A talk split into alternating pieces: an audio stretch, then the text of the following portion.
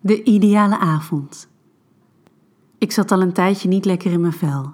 Logisch ook, met al die crisissen die de wereld overnemen tegenwoordig. Alle leuke dingen die langzaam allemaal weggenomen worden door de nieuwe reglementen en vrienden en familie die steeds moeilijker te bezoeken zijn. Het was allemaal vrij deprimerend. Ook deze vrijdagavond leek gedoemd tot een eenzame bankhangavond. Maar net als ik me in mijn badjas onder een dekentje op de bank wil nestelen, trilt mijn telefoon.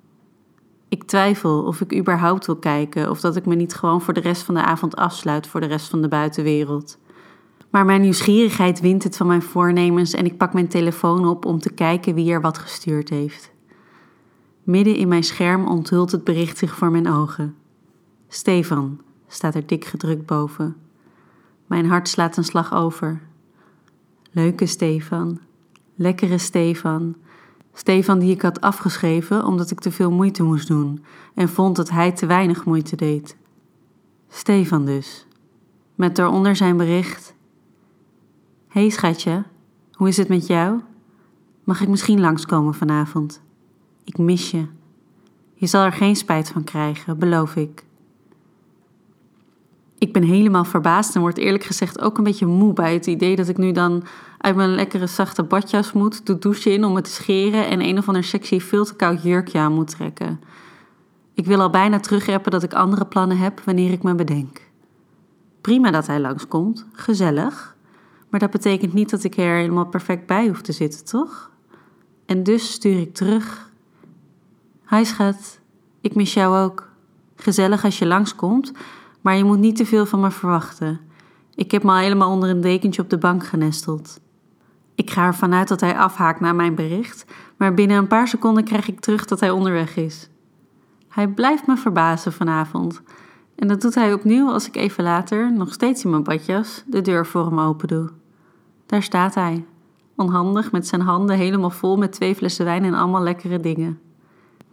Hi, begroet hij me opgewekt. Ik moet lachen en pak de fles wijn uit zijn handen om hem te helpen. Terwijl ik dat doe, geeft hij me een zachte kus op mijn mond ter begroeting. Je ziet er prachtig uit, fluistert hij. Ik doe het af als een overdreven compliment, maar ik merk dat ik warm word en hoop alleen maar dat mijn wangen mij niet verraden. Hij schopt zijn schoenen uit en volgt me de keuken in, waar ik twee glazen inschenk en hij een zak chips in een schaal gooit. We nestelen ons op de bank en hebben wat smalltalk. Voor ik het weet is de eerste fles leeg en wil ik opstaan om een nieuwe fles te halen. Hij houdt me echter tegen en staat zelf op. Als hij weer gaat zitten en me een vol glas aangeeft, trekt hij mijn benen op zijn schoot en begint hij ze zachtjes te strelen. In eerste instantie heb ik de neiging om ze terug te trekken. Het was niet de bedoeling om de aandacht op mijn ongeschoren benen te leggen, maar het lijkt hem totaal niet te storen en ik besluit me eraan over te geven. Nog een halve fles later wordt de spanning me te veel. hey, ga je me nog zoenen of hoe zit dat? vloep ik eruit. Hij verslikt zich bijna in zijn wijn, maar herstelt zich dan snel. Dat was ik wel van plan, ja, antwoordt hij met een kalme stem. Hij zet zijn glas weg en buigt zich naar me toe. Mijn hoofd vlak boven die van mij fluistert hij. Ik wilde mezelf niet opdringen. Terwijl hij dat zegt, raken zijn lippen die van mij, wat zorgt voor een rilling door mijn hele lichaam. Ik neem het initiatief door mijn hoofd iets omhoog naar dat van hem te brengen en hem hartstochtelijk te zoenen. Mijn tong vindt die van hem en mijn hand glijdt in zijn nek. Als we allebei even op adem moeten komen, komt hij overeind. Heel soepel trekt hij zijn trui over zijn hoofd, waardoor zijn gespierde lichaam tevoorschijn komt. Ik laat mijn hand over zijn abs gaan om ze te bewonderen en hij laat me even begaan. Dan vindt hij het genoeg geweest en pakt hij mijn armen om ze boven mijn hoofd te plaatsen. Hij trekt aan de centuur van mijn badjas en laat hem openvallen. Als hij ziet dat ik er niks onder aan heb, laat hij een kreun ontsnappen. Zijn lippen leggen een weg af van mijn nek over mijn borsten, waar hij zijn tanden even in mijn tepels zet, verder naar beneden over mijn buik, een rondje rond mijn navel, nog verder naar beneden totdat hij tussen mijn benen terechtkomt. Ik sla mijn benen om zijn lichaam heen en hij duikt er met zijn gezicht tussen. Alsof ik een ijsje ben waar hij heel zuinig mee wil zijn, likt hij me zachtjes en slaat geen één plekje over. Hij neemt zoveel tijd dat ik er ongeduldig van word.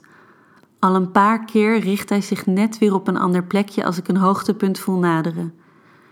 Mijn gevoel dat ik dit zo lang mogelijk wil voelen en de drang om nu zo snel mogelijk klaar te komen is ongelooflijk tegenstrijdig. Uiteindelijk maakt het niet zoveel meer uit waar hij me aanraakt, omdat alles op scherp staat en bereik ik toch echt een climax. De naschokken blijven maar komen en ik krijg mijn lichaam maar niet onder controle. Ik rommel op mijn zij in een bolletje. Ik moet hier echt even van bij komen hoor, zeg ik verontschuldigend.